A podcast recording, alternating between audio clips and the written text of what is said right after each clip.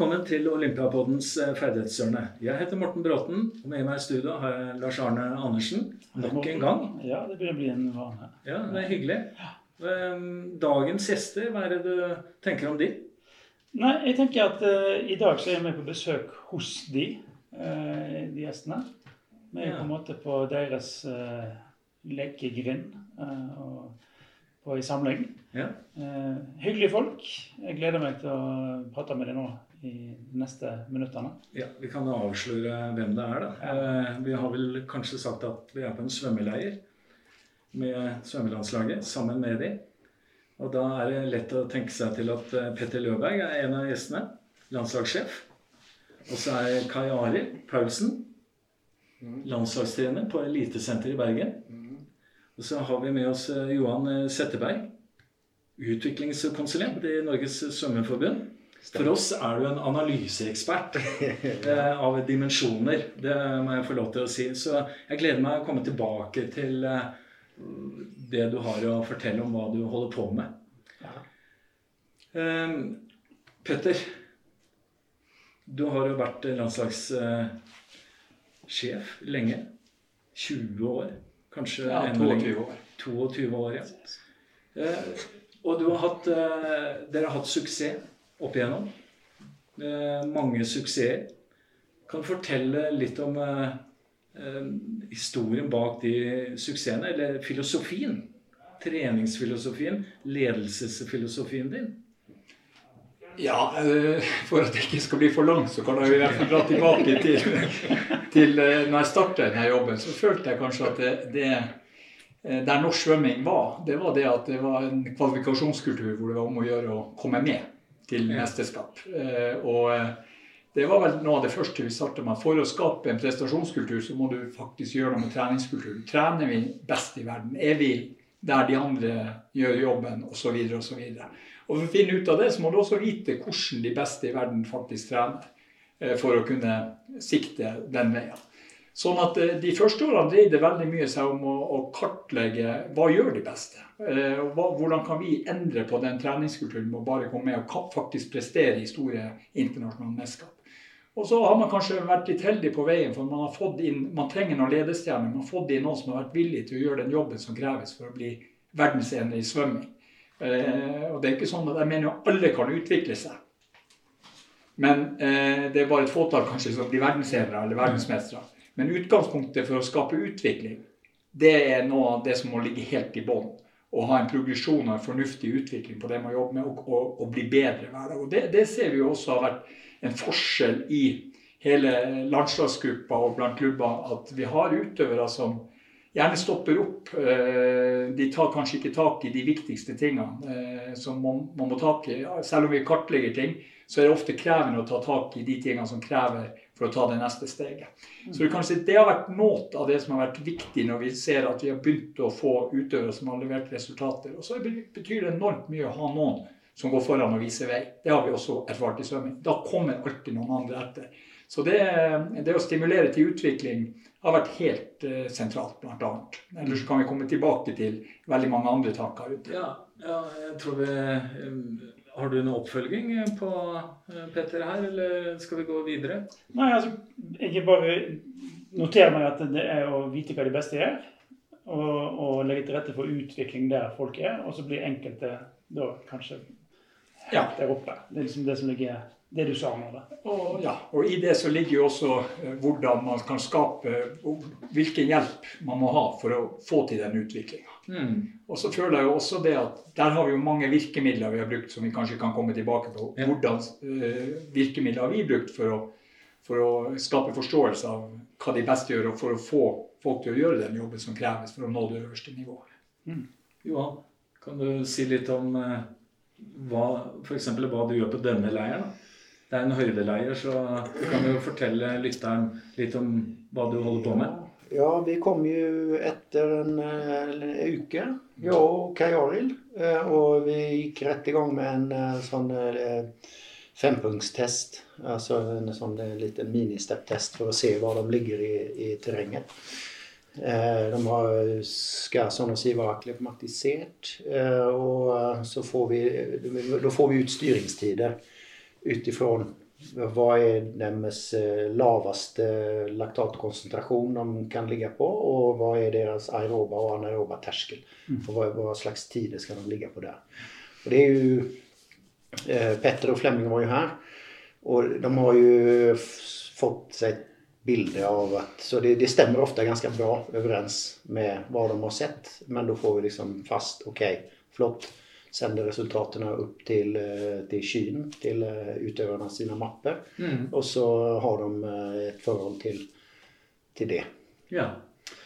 Vi kan jo gå videre til deg, da. Kai.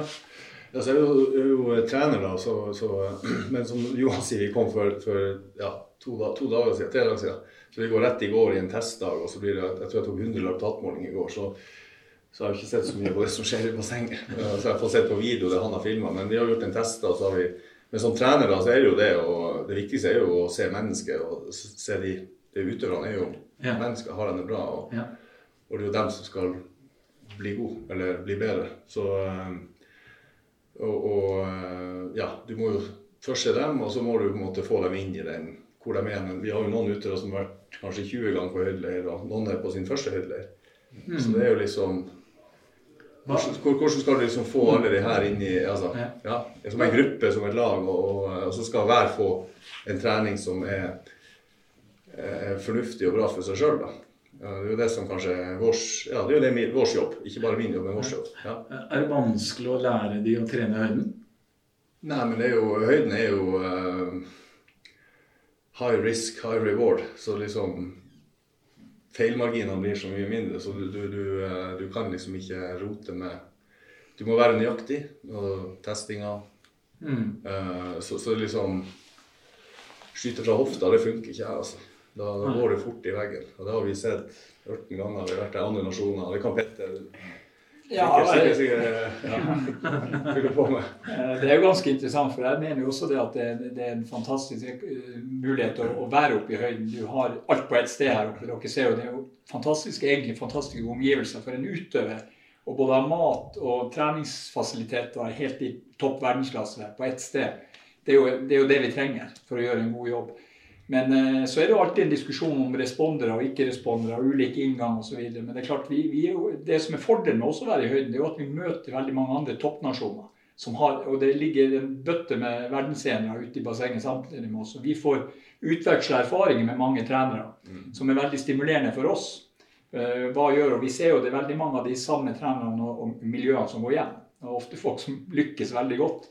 Eh, men det er klart, nøyaktigheten i høyden må være stor. Og, det, det, det, og jeg ser jo det at når vi er nøyaktige nok, så ser jeg vel at vi har stort sett bare respondere. Og det er jo det det dreier seg om. At det er ikke sånn at vi får en god treningseffekt, kanskje også av å være i lavlandet. Men alle er respondere hvis de styres riktig i høyden. Og det trenger det kanskje litt erfaring på, for der har vi jo sett nasjoner og lag som er her oppe hvor vi ser det begynner å bryte til på første økta og knaller. Og da har de kanskje litt for dårlig grunnkunnskap om hvordan høyde virker. Så vi har jo nesten vært overraska over gode resultater rett etter en ressursleir som vi ofte har i høyden, hvor vi trener med stort volum og, og lav intensitet, men allikevel så er folk i veldig veldig godt slag når de kommer hjem. Så det, vi har jo gode, positive erfaringer. Det er jo en av årsakene til hvorfor vi velger å reise hjem og reise hjem. Mm. Kai snakka litt om å jobbe sammen. Og du som sjef, da. Hvordan setter du sammen teamet ditt? Hva, hva er det du gjør for å få de beste folka, beste folka rundt deg?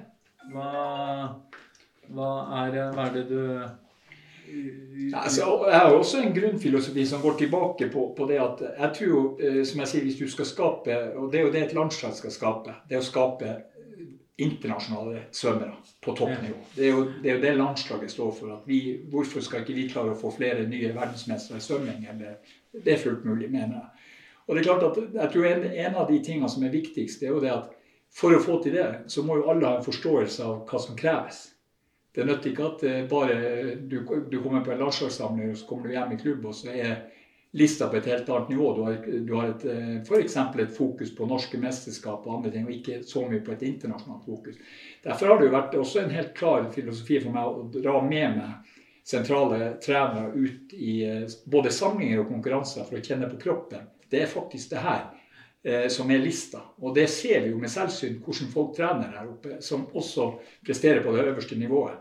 Og da får man kanskje en liten aha-opplevelse. Og det merka jo jeg som ung trener jeg var i 20-årene og var juniorlandslagstrener. Jeg også var med på som assisterende landslagstrener. At det var ofte sånn du kom ut og faktisk skjønte hva de beste gjorde. Så måtte du hjem og, og, og stramme strikken litt. Og, og løfte nivået. Så jeg tror det er veldig sentralt å ta med eh, trenere og bygge opp de som har de sentrale utøverne, og som må ut og kjenne på kroppen. Det er det her som kreves. Og da må du fortsette den jobben hjemme. Du kan ikke bare gjøre den i korte glimt gjennom hele sesongen. Det må, det må være en kontinuitet og en plan over det hele veien. Så det har vært eh, viktig. Det, det betyr jo i, i praksis at du har veldig tett kommunikasjon med utøverne sine klubbtrenere. Du, ja. Det er jo en forutsetning sant, eh, for at det skal kunne gå. Det er en forutsetning at, at den kommunikasjonen bør være så god som mulig. Og det er utøvende i sentrum alltid. Og eh, Det er også en annen ting som jeg mener er viktig i forhold til filosofi. Det er jo det at Når utøverne er unge, kommer gradvis inn. Vi har også hospiteringsordning med junior inn i senior, nettopp for å lære av våre seniorer. For vi ser jo at mange i gruppa, det har vi vel erfaring med, Kari, Mm. at de som har vært her, du nevner vi har utøvere her i gruppa nå som har vært over 20 ganger i høyden. De, vi ser jo det at det er lettere at de stimulerer og på en måte kommuniserer med våre beste, eh, eller våre nye og ferske utøvere som kommer i høyden. Og hjelper oss litt i den prosessen. og sånn, 'Nå ligger du for hardt.' og nå ligger, altså De er aktive. Så at det å skape, og, og, både på det treningsmessige også, men også på det sosiale, det er kult. Vi kaller jo å reise til Sierra Nevada for å reise på hytta. Ja. Altså Det skal være noe positivt og, og, og flott med det. Og, og det er helt bevisst. Sånn at, at, at både utøver kjenner på kroppen, ser hva andre lag driver med, men også trenerne må henge med. Eh, Og det er en av viktige måter man kan få trenerne til å bli stimulert å ta dem ut. Hvordan opplever dere, Johan og Kai, eh, den måten å jobbe på?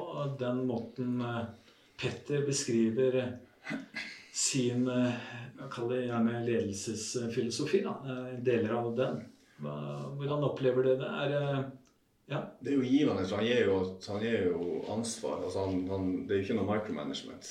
Så Nei. vi får jo gjøre det vi vil, ja. eh, på en måte. Og, og det er jo bra. Og, og så lenge det ja, det er innenfor noen rammer, da, men, men det er jo en enorm læring i det. Altså, hvis vi ser tilbake på hva vi gjorde kanskje når vi var her for åtte år siden, så det er 90 er det samme, da, men vi endrer på liksom, de små nyansene. Og vi prøver å bli litt smartere, litt flinkere. eller vi, ja, vi prøver. Ja, ja. Vi vet jo ikke om vi blir det. Ja, ja, vi tror vi blir det. Vi liker å tro det, men ja. Hvordan opplever du det, Johan? Ja. Alltså jag har ju ingen hytta då, va? Så det, eller, eller, eller stuga då som det heter på svenska. Så, så jag, eh, jag, jag prövar bara göra så god jobb som möjligt. och eh, bli med i den goda stämningen och eh, ja, alltså som Kai sa, det, det, det, det är ganska fria tyglar och det, det är något som klingar med från de första åren när jag kom till Norge i 2009. Att, eh, det, det siste Petter alltid sa til meg, var at ok, du hvis, det, hvis vi trenger noe, så, så må du bare si fra. For det skal i hvert fall ikke stå på at vi ikke har kjøpt inn noe eller tatt noe i bruk som vi mener er, bra. Så eh, det er eh, ja, veldig, veldig gøy på, eh, og koselig på hytta. Ja, men du har alltid overve overvekt med deg på flyet til Sierra med alle disse gadgetsene. som du Ja, ja, ja. Det var det er korrekt. Ja, jeg kjenner det såpass. Jeg, jeg tenker litt med, med, med tanke på at ingen av dere er klubbtrener egentlig for utøvere. Du, eh, Pete, er jo landslagssjef og egentlig trener, fungerer mer som trener når du er på samling. Men mellom samlingene så har ikke du den type trenerrolle. Og ingen av dere to andre heller er i klubb. Eh, men eh, du har jo, hvis jeg snakker med deg, Johan, alle disse analysene som du gjør. Du filmer, du måler, vurderer bevegelseskvaliteter. det, det, du har verktøy som er helt i verdensklasse. Og få ut noen eh, veldig konkrete ting på tilstanden til på, det tekniske, f.eks. På hvilken måte jobber du for å få dette formidla til utøver og til, og til utøvers trener? Eh, nei, altså vi Jeg klipper sammen tingene ganske kjapt i, eh, i går kveld. Og så sender jeg opp videoen så utøverne og trenerne kan se den. Mm. Og sen så tar det litt tid å få det inn i, eh, en software, og så lager jeg en rapport på start, vending og svømming. Mm. Og det vi har sett her oppe, altså vi prøver hele tiden å, å finne en ny stein å snu i, i forhold til eh, ja, i dette fallet høyden. Da. Og det er jo Vi har hatt mange som har svømt veldig raskt her oppe. Altså sånn 50 meter eh, start oppe. Bang. Så, og så Oi, hvor kom den fra? De har trent, eh, svømt rolig, svømt ganske mye. Og så plutselig kommer den. Da har vi hatt en, eh, et utstyr fra eh, ja, ti år tilbake som, eh, der vi kjører to maksdrag der vi måler motstand. Da. Teoretisk motstand. Det er sånn litt feilmargin og litt matematikk og greier, sånn, men, men enkelt å ta i bruk for å se.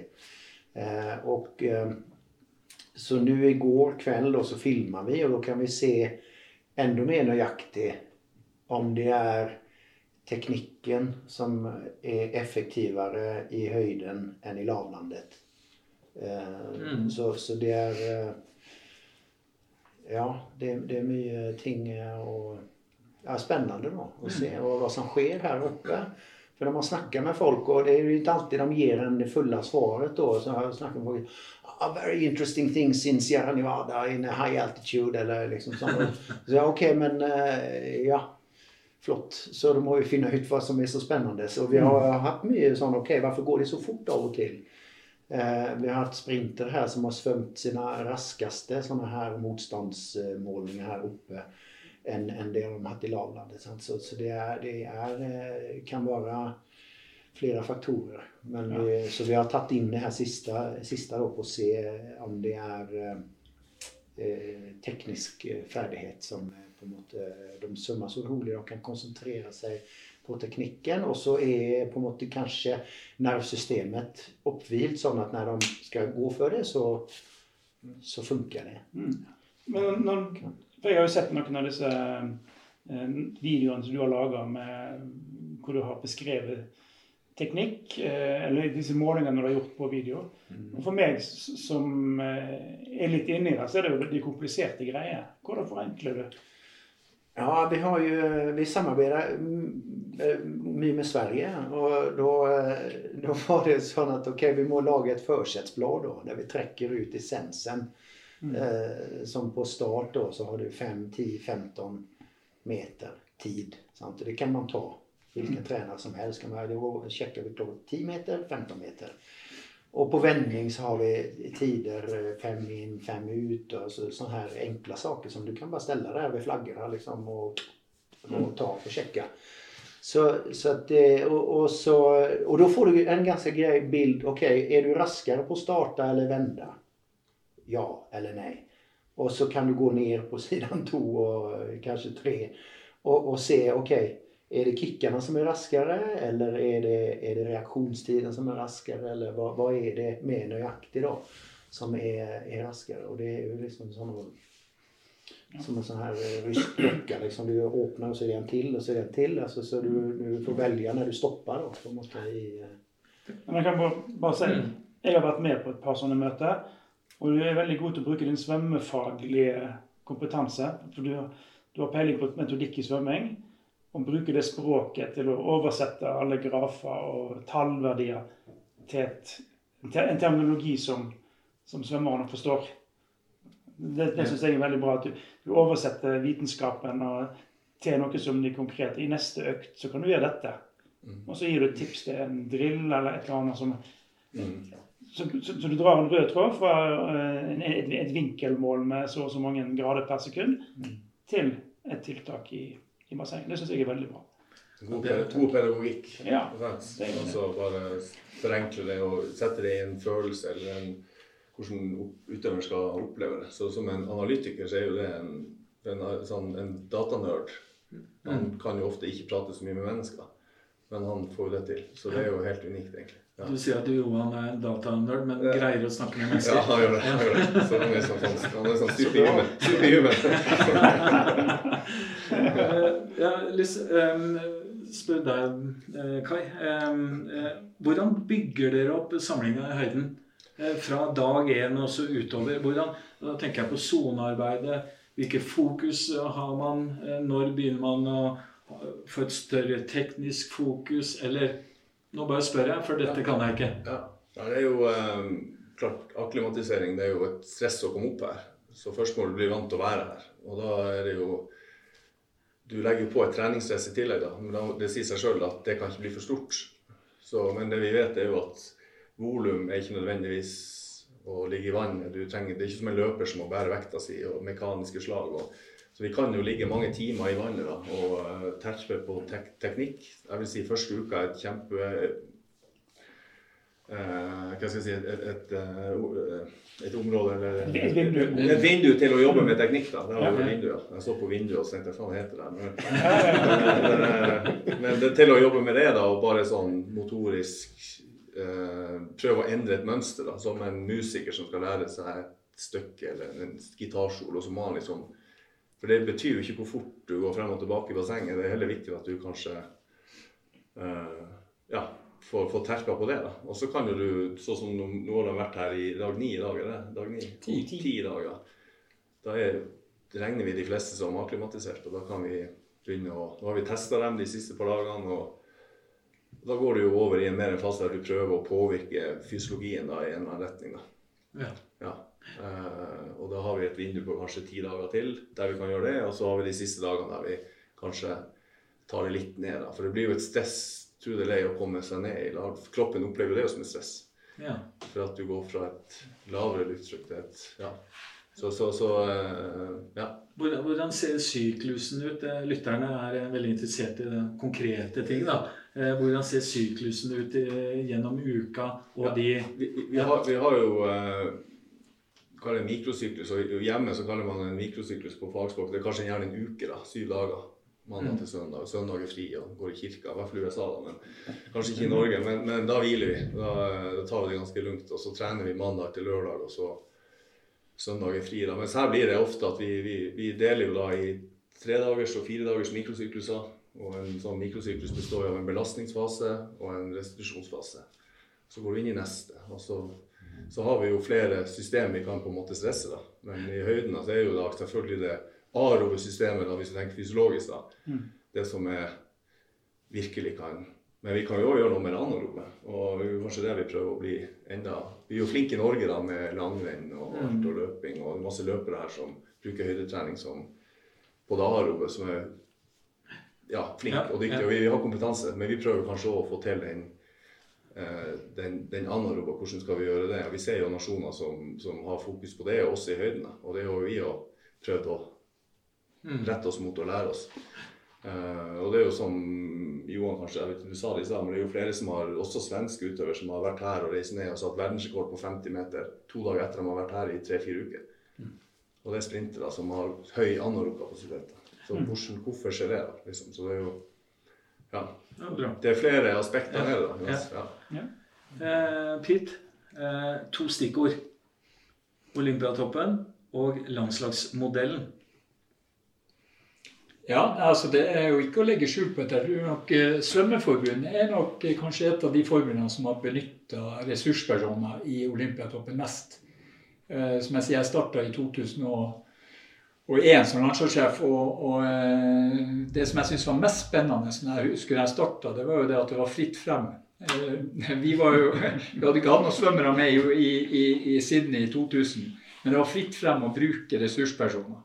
Og det syns jeg var kanonbra. Altså at eh, det, det var bare å velge og vrake, og du kunne gå rett på dem. Det varte dessverre ikke så lenge før det ble litt mer styr på det, og at vi måtte eh, avklare hvem som kunne være med. Men jeg var jo heldig og fikk en, en god start, føler jeg, der oppe. Og, og syns det var utrolig motiverende å ha med meg dyktige folk eh, på, på ulike fagfelt. Altså Om det var teknikk, motorikk av den avdelinga dere kom med. Vi begynte jo allerede den gangen å jobbe sammen. Og om det var styrke, eller om det var mentale ferdigheter, eller ikke minst når det gjaldt ernæring. Vi starta med høydeleire her. Og, og fant jo fort ut at det å ha med seg folk fra ernæringsavdelinga i starten For det er jo også sånne ting hvis vi snakker om det å kunne spisse, og hvis du skal bruke høydetrening, så f.eks. det er ekstremt viktig. Vi har jo det faktisk med i dag også fortsatt. Og vi ser jo at de som har hørt de samme foredragene og fått de samme innspillene, gjør ofte de samme feilene når det gjelder. For det er ganske tøft å ligge og få i seg nok næring og, og riktig næring når du er i høyden, f.eks. Sånn at alle feltene der oppe har jo vi eh, brukt i alle år. Så det er vel ingen eh, felt vi ikke har vært innom. Og så er det ulike behov hos utøvere. Noen, eh, og det går litt på så vi kommer tilbake til distanser. Noen er distanseutøvere satser på langdistanse, og noen satser på 50 og 100. Så det er ulike behov også i forhold til, eh, til hvilke ressurspersoner vi trenger inn på hvilke personer. Men jeg, jeg, mitt eh, jeg, tenker i hvert fall i utgangspunktet at, at, det har vært en av årsakene til at norsk svømming har tatt ganske mange internasjonale medaljer. At vi har hatt et utrolig bra både internt med gode ressurspersoner som Johan internt i, eh, og gode trenere som har vært med å bidra og løfte seg og skapt en større forståelse av hva som kreves for internasjonale resultater. Så har vi i tillegg hatt eh, en mulighet til å fråtse i gode fagfolk som har hjulpet oss. Og, og det er det viktig at de føler seg også involvert og skjønner svømming. Og vi har hatt stor kontinuitet på fagfolk. Det tror jeg også har vært litt viktig, at, at de etter hvert skjønner svømming. Eh, så, så, eh, jeg har veldig mye godt å si om det, og tror at eh, det er absolutt en av de årsakene som jeg mener også på veien videre skal gjøre at vi skal kunne klare å levere gode resultater. Det og, fortsette et tett og godt samarbeid. Ja. Spørsmålet i den forbindelse er jo det er jo en del kokker som kom inn i bildet. og eh, Jeg har vært lenge med svømming, og Morten har vært lenge med svømming. Eh, jeg kan knapt svømme sjøl, men eh, blir ikke det lett forstyrrelse å få alle disse folka inn i, i, i, bildet? Eller hvordan har du håndtert liksom det omfanget med eksperter som kommer inn i tide og utide? Jeg tror det, det det dreier seg om, det koker ned til en, en veldig Altså at man har en god plan for det. Når skal de forskjellige komme opp? Altså det, og Vi kommuniserer også med, både med trenere og utøvere om det. Hvilke fagpersoner vil dere, syns dere er viktigst å ha med oss? F.eks. nå når vi reiser opp her, så var det ekstremt viktig at alle sa vi vil ha med ernæring i starten av høydeleir. Det ble tidlig avklart å få med ernæring opp i starten av høydeleir. Kommunisere og samspille og få individuelle samtaler med alle. Løfte nivået og forståelsen for, for, det. For det kan være en av de tingene som gjør at vi går på en smell hvis vi ikke er nøye nok med det. I tillegg til mange andre ting som Kai snakker om. Å styre treninga fornuftig i inngangen. Det er mange ting. Og det er jo det som er fint med høyde. som jeg sier, trening, Du kommer opp her. Jeg tror alle vi som er her, blir jævlig skjerpa når vi er i, i høyden. For at uh, gjør du feil, så smeller det kanskje litt mer enn om du gjør feilen i lavlandet. Så dermed så er vi på alerten, og det tror jeg utøverne også er. Så det er jo en kjempepositiv effekt. Uh, så, så, men tilbake til, til spørsmålet ditt. Så, så, så, så, går det på en plan. Altså, han drar, dere kommer opp. Dere drar, det kommer altså nye folk opp. Jeg tror det er en del Ikke bare tror, jeg mener jo det er en veldig fornuftig del i forhold til utøverne òg, som får nye ansikter, nye fjes inn. Eh, litt eh, stimulerende, når, spesielt når du ligger her oppe i mellom tre og fire uker. Eh, det er jo en, for så vidt en fantastisk sted. Men det er klart, folk går litt trøtt når du ligger på samme sted så lenge. Så da er det veldig greit å få inn, inn folk. Så da planlegger man det i god tid. Og det har vært bestemt lenge når de forskjellige skal komme inn her. Så jeg tror det bare dreier seg om planlegging. Og da er det jo viktig når dere først er her, eh, at dere blir involvert og brukt på en god måte inn mot utøverne. Det har vi også, som dere vet, møter om å diskutere hvordan vi skal anvende dere når dere først er her. Både på det kollektive med hele laget, men også på det individuelle oppfølginga på det individuelle. Ja, og da, Hvordan balanserer du det? Hva er det som er viktigst for deg eh, på denne samlingen, høydesamlinga her? Er det det kollektive, eller er det, det den individuelle skreddersømmen fra dag til dag? Hva, hvordan, eh, eller er det ikke noen motsetning?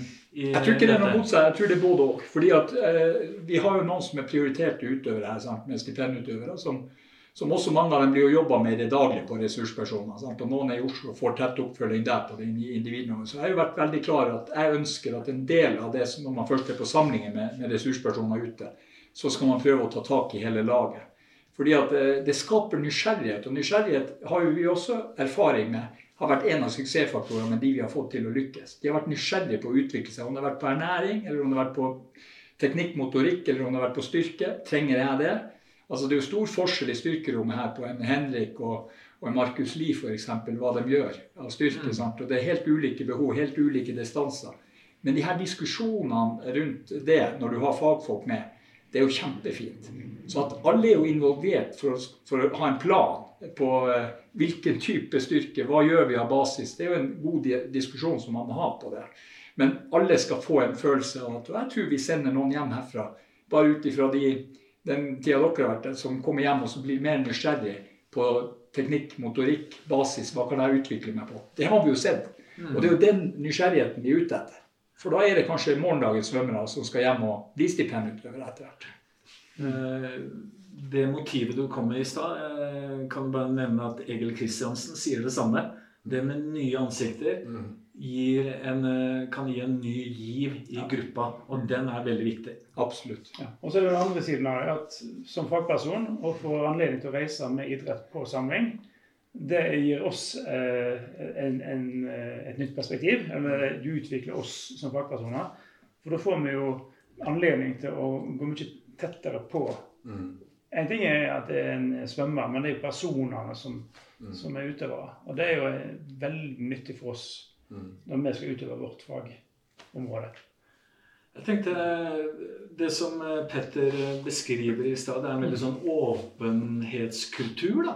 Eh, Det er, veldig, det er stor åpning for mange å bidra i. Hvordan opplever dere to som en del av teamet da, under Petter? Hvordan opplever dere den åpenhetskulturen? Hva gjør den med dere?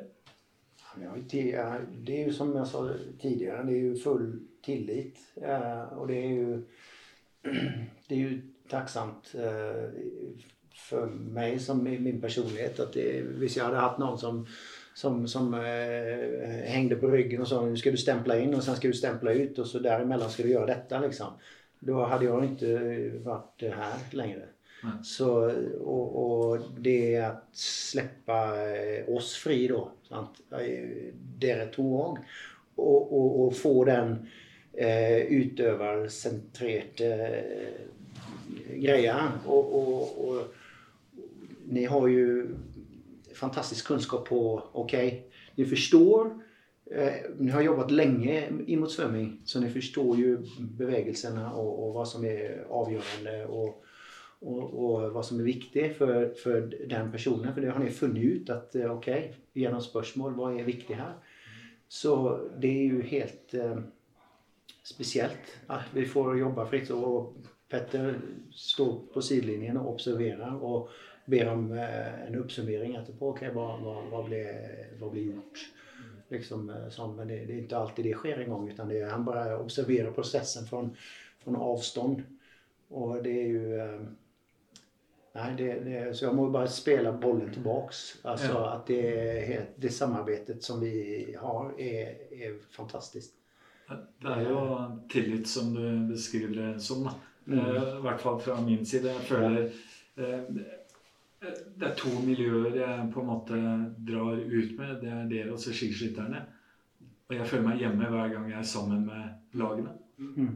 Det, det er liksom eh, hjemme Det er litt sånn familiært, da. Det er Hytta. en- Hytta, ja. Det stemmer. Hytta.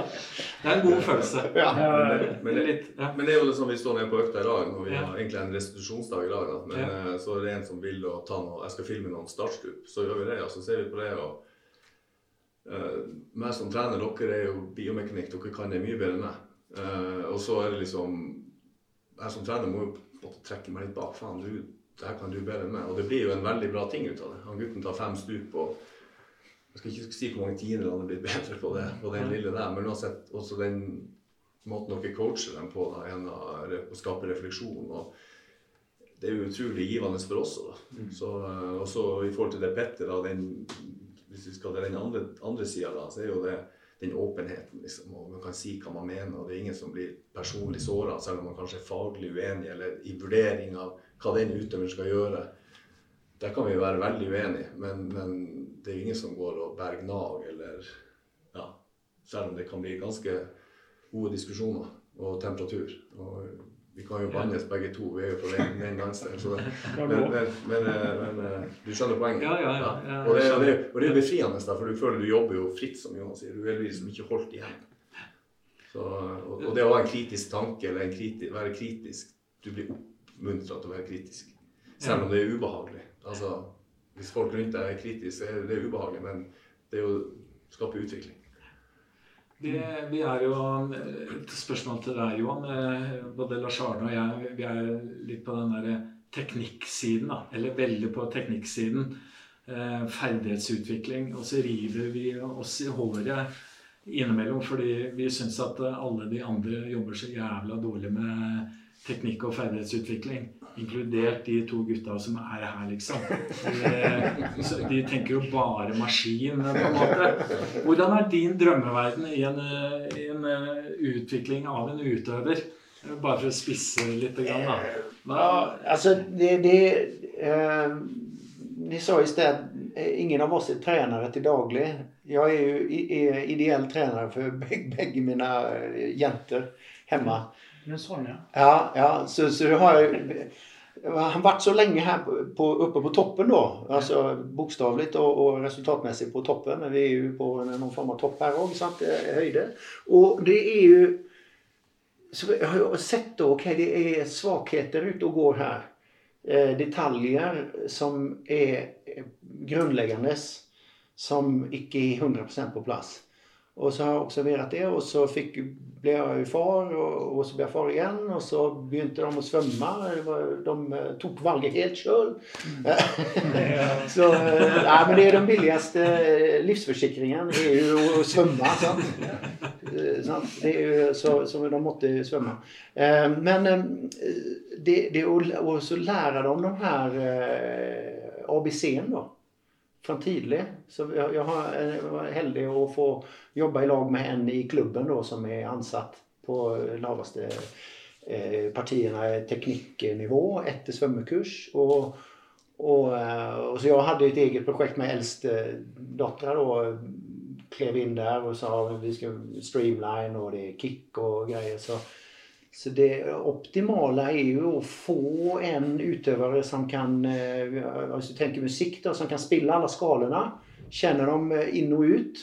Og, og, og, og skjønner at det, det må, du må spille skalene før du kan gjøre noe som helst.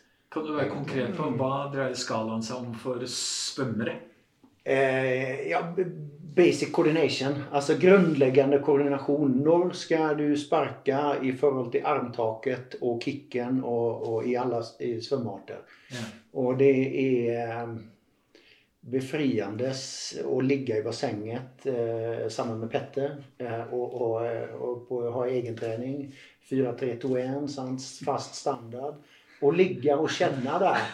Treffer jeg riktig med beinsparken eh, i forhold til armtaket? Og, og for det er så lav Vi har jo knapt nok styrfart da, sant? men, men å, å ligge og, og føle på det, så, så det er eh, eh, at eh, ha få utøvere som eh, kan, kan alt dette.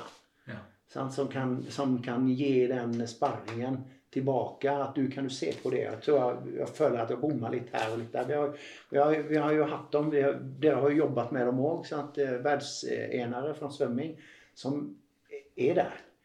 Og det er jo det er ikke noe annet som er mer gøy enn det. Ja, nå beskyldte jeg dere for å være litt sånn fysisk orienterte, så dere kan jo Men- men- forsvare dere. Jeg har ingen behov- for det, da.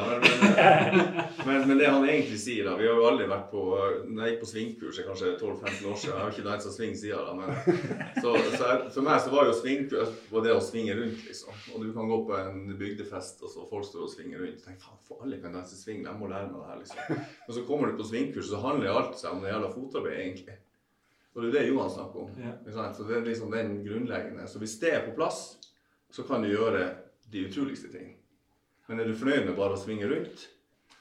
OK, det funker jo. Men, men Men det det funker i den settinga. Men, men jeg tror ikke du skjønner poenget mitt. Altså, Ja, ja, jeg tror det er Jon, Johan, sånn som jeg tolker det du sier der, så er jeg jo fullstendig enig. at Det er jo, det er jo derfor Svømmeforbundet også lager en utviklingstrapp hvor man ønsker å Hva setter vi fokus på når? Og det er det ikke noe tvil om at vi fortsatt i dag ser at eh, Og det er det verste jeg ser, at vi ser 8-9-10-11-åringer som er i bassenget, og vi ser at trenerne står med stoppeklokke. Det burde burde ikke vært lov å gå med stoppeklokke på kanten på, i, i den alderen der. Da har de helt misforstått. Du tar voksenidretten ned.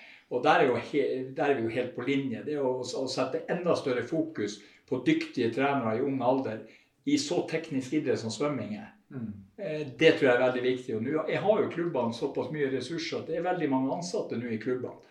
Og det burde være enda større mulighet mener jeg, i forhold hvis man skal være litt offensiv. Men vi ser jo fortsatt det at der har vi et stykke igjen å gå. Kanskje det, det kan være en konkurransefordel for Norge, mener jeg, i fremtida. Hvis vi blir enda dyktigere på å jobbe med unge utøvere i forhold til det tekniske arbeidet. For det er ganske avgjørende hvis du skal svømme verdensklasse. I dag er det få sluggere som tar medaljer. Det er med teknisk gode de som tar medaljer. det er, jo, det er jo den her, hva skal jeg si, den her, hvis, hvis du som barne- og ungdomstrener tenker at ja, du kan få en gevinst av å bare tenke maskin, hvis du, hvis du putter oss i den kategorien da, eh, og driter i å jobbe med det han er opptatt av, så vil du jo vinne UM og kanskje junior-NM, fordi du, og, du har det riktige, tidlig fysisk utviklet. Vi, vi har jo, jeg jobber jo som U-landstrener mange år før det her, da, men, men eh, ja, vi har hatt mange inn som har kommet inn der, da, som har, som har den bakgrunnen, men jeg klarer jo ikke å ta den progresjonen, for jeg klarer ikke å endre på de tingene som. Og de har ikke lært, de burde egentlig ha lært det der og da. Ja. Fordi at kanskje om det er trener som er grådig, eller eh, som vil ha den UM-gull, eller om det er dem, eller jeg, vet ikke. Eh, det, spør du meg, så er det jo manglende profesjonalitet. Ja. Ja, eh, Lars Arne og jeg vi har jobba med eldre utøvere som har lært seg den skalaen i ikke i ung alder, men i voksen alder. Men de er superdedikerte og motiverte. Det er alt mulig, tenker jeg. Men vi, vi må videre. Eh, vi må på en måte to, begynne avrundinga. Eh, fremtiden, dvs. Si Paris. Hva er viktig frem mot Paris for å oppnå de målene som dere setter dere, og utøverne setter dere? Det er ikke noe tvil om at, at veldig mange av de grunnprinsippene som man snakker om, i forhold til å ta tak i de riktige tingene for den enkelte utøveren, det å kartlegge at vi faktisk går inn og ser at det er den beste utøveren vi har per i dag, faktisk det skjer noe på, på, på det området. Og da må vi jo ha kunnskaper om hvordan vi kan gå frem. Og det er jo det vi er på, på søken etter hele tida. Gjør vi det riktig? Vi, vi, ingen av oss sitter her med noe fasitsvar. Men vi begynner å få ganske mye kompetanse på hvordan, du, hvordan resultatet for enkelte har kommet. Og så må vi gå inn og se at eh, Og vi sitter med veldig mye god data på hva som funker, og hva som ikke funker. Eh, Så jeg tror det å, å gjøre en, en ganske radikal eh, sjekk-opp at hva er det du og du og du må prioritere eh, frem mot Paris. Det er ikke lang, lenge av veien, det er halvannet år det, det skal presteres i, i Og at man faktisk ikke venter til mandag, eller venter til mars, eller venter til april. Men det skjer her og nå. Eh, Det har vi også opplevd. Det er utøvere som sier at ja, men jeg skal begynne med det, jeg tar det. Eh, Er det de viktigste tingene? Få uh, funnet ut hva som er viktigst å, å utvikle, og komme i gang med. Altså, så det, det er jo litt av den drivkraften vi må ha. Det å pushe utøverne til faktisk sammen med trenerne. Og at vi helst har en enighet med både klubbtrenere, utøvere og vi som er landslagsledelsen, hva som er, er de absolutt viktigste tingene. For tar vi tak i det, og utøverne eh, har det verktøyet og får det verktøyet og får hjelpa, så, så tror jeg vi kommer til å prestere i Paris. I forhold til eh, det som eh, Petter skisserer nå, din rolle inn i det teamet, her, sånn, hva er viktig for deg å bidra inn i det Petter eh, sier her? Det er jo å utfordre han da, da. og utfordre kanskje utøverne. òg. Mm. ja, ikke bli for uh, fastgrodd i det vi alltid har gjort, liksom. Stille de spørsmålene som vi ikke vil høre. Ja. Det er jo det som trener du må gjøre, eller coach du må gjøre uansett. Sånn tenker jeg da, min, min rolle. Og så er det jo eh, kompetanse, det med kompetanseutvikling og prøve å Vi tester jo ekstremt mye. Vi, mange tenker kanskje vi tester altfor masse, men, men for, for fem, seks, syv, åtte år siden det jo målte puls på alle utøverne på alt de gjorde her. og og i dag så ja, vi, vi, vi lærte, og det, med kombinasjon med den active drag-testen og, og som har snakket om det med motstand, så da ble vi ganske sånn OK, greit, hvordan økter funker her, og hvordan funker ikke. Så det blir liksom en sånn Og vi må fortsette der, liksom. Og Ja. ja, vi tar med oss det videre, og så må vi kan ikke bare fortsette med det og logge alle de pulsdataene. Det, det, det var mye data, men eh, med god læring. Altså det å på en måte ta den testinga, ta det videre. Vi må jo hele tida snu nye steiner, som Johan sa. Ja. Bare- Bare, Johan, ditt viktigste bidrag inn i, mot Paris for å få til Det, er vel å eh, slå fakta i bordet. da, sant? Og, og håper jeg slår hardt nok eh, og tydelig nok, eh, så at utøverne og, og, og, støtteapparat og trenerne skjønner at er vi på riktig vei, eller vi må finne tilbake til, til en mer effektiv eller riktig vei. Så, så det, ja. Er, erfaringsmessig så er det faktisk sånn, og det, det er litt av det som jeg syns har vært synd. at om du, du, Det er lett å sette opp ti forbedringsområder. Det er veldig enkelt hvis du ber en utøver om å gjøre det. Mm. Og så skal de plukke ut de tre viktigste. Men ofte så plukker de ut eh, nummer sju, åtte og ni. Ikke nummer én, to og tre som er viktig. For det er litt ubehagelig, som du sier. Du blir utfordra på det som er litt ubehagelig. Det her må vi rydde opp i. Og det er også min erfaring gjennom et langt trenerliv. at uh, der må man ha de ubehagelige samtaler med både utøvere og trenere i forhold til å få en endring, hvis det er nødvendig. Og det må vi tørre å hoppe ut i. Det, det, du sa, Kai, det må ikke bare utfordre utøverne, men at teamet utfordrer hverandre hele tiden for å ta det steget. Mm. Eh, vi setter jo store krav til utøverne, alle sammen, mm. om at de må være tilpasningsdyktige. Men hva med oss da, som trenere? Vi må også være tilpasningsdyktige. Mm. Ja, og så tenker jeg, eh, Vi som er så heldige for å være en del av teamet, eh, vi òg føler at eh, vi har en rolle hvor vi, prøver å utfordre og, stille de vanskelige spørsmålene fra vårt ståsted. da. Så det tyder jo på at dere vil jo når dere åpner opp for oss, så åpner dere opp for å bli satt til veggs med ubehagelige mm. Nei da, det er ikke alltid det, men det kan skje. Og det er rom for. Ja, og, og sånn må det være. Ja. Men eh, vi, dere utfordrer oss når dere sier at uh, levere utøvere til oss. Da blir vi utfordra. Mm. Uh, når Johan sier at uh, den sliter med det og det i vannet, da må vi snu oss 360 grader og tenke fort og gjøre noe med det. Eh, før vi avslutter, Petter, vil det er noe du vil eh, formidle som en avslutning her? sånn? Eh, jeg syns det har vært en god prat. Ja. Det her er jo egentlig en vanlig prat, så vi har nå dere er på hytta. Ja. det, det, ikke, det, er bare et par ting vi savner her, så er det enda men, men, det er god mat og det er god stemning, og det syns jeg er utrolig viktig. For jeg tror ikke at man Jeg tror det med med laget. Og det gjelder jo både vi som er i støtteapparatet, når vi tilbringer så mange døgn sammen. Eh, nå har jo jeg 22 år her kanskje, og, og jeg har vært over 800 døgn her i, i Sierra Nevada til sammen. Men det har vært utrolig mye gode opplevelser her oppe. Og jeg gleder meg til allerede til neste samling. Men det er jo nettopp det som skaper god stemning. Det er å ha et godt uh, team rundt seg uh, i støtteapparatet. Gjerne høylytte diskusjoner og uenigheter som skaper utvikling. Men også det å se at utøverne trives. Det syns jeg har vært kjempeflott med denne samlinga også. At de nye debutantene som kom inn, og som har vært litt skeptiske kanskje til høyde og litt redd, å se at de smiler på kanten og smiler ved, ved matbordet og, og, ha god stemning, det, det, tror jeg faktisk også er Skal ikke man undervurdere hvis man skal skape gode resultater. Så jeg håper jo bare at vi holder den gode stemninga helt frem til Paris, og så under Paris. Tusen takk. Ja. Hjertelig.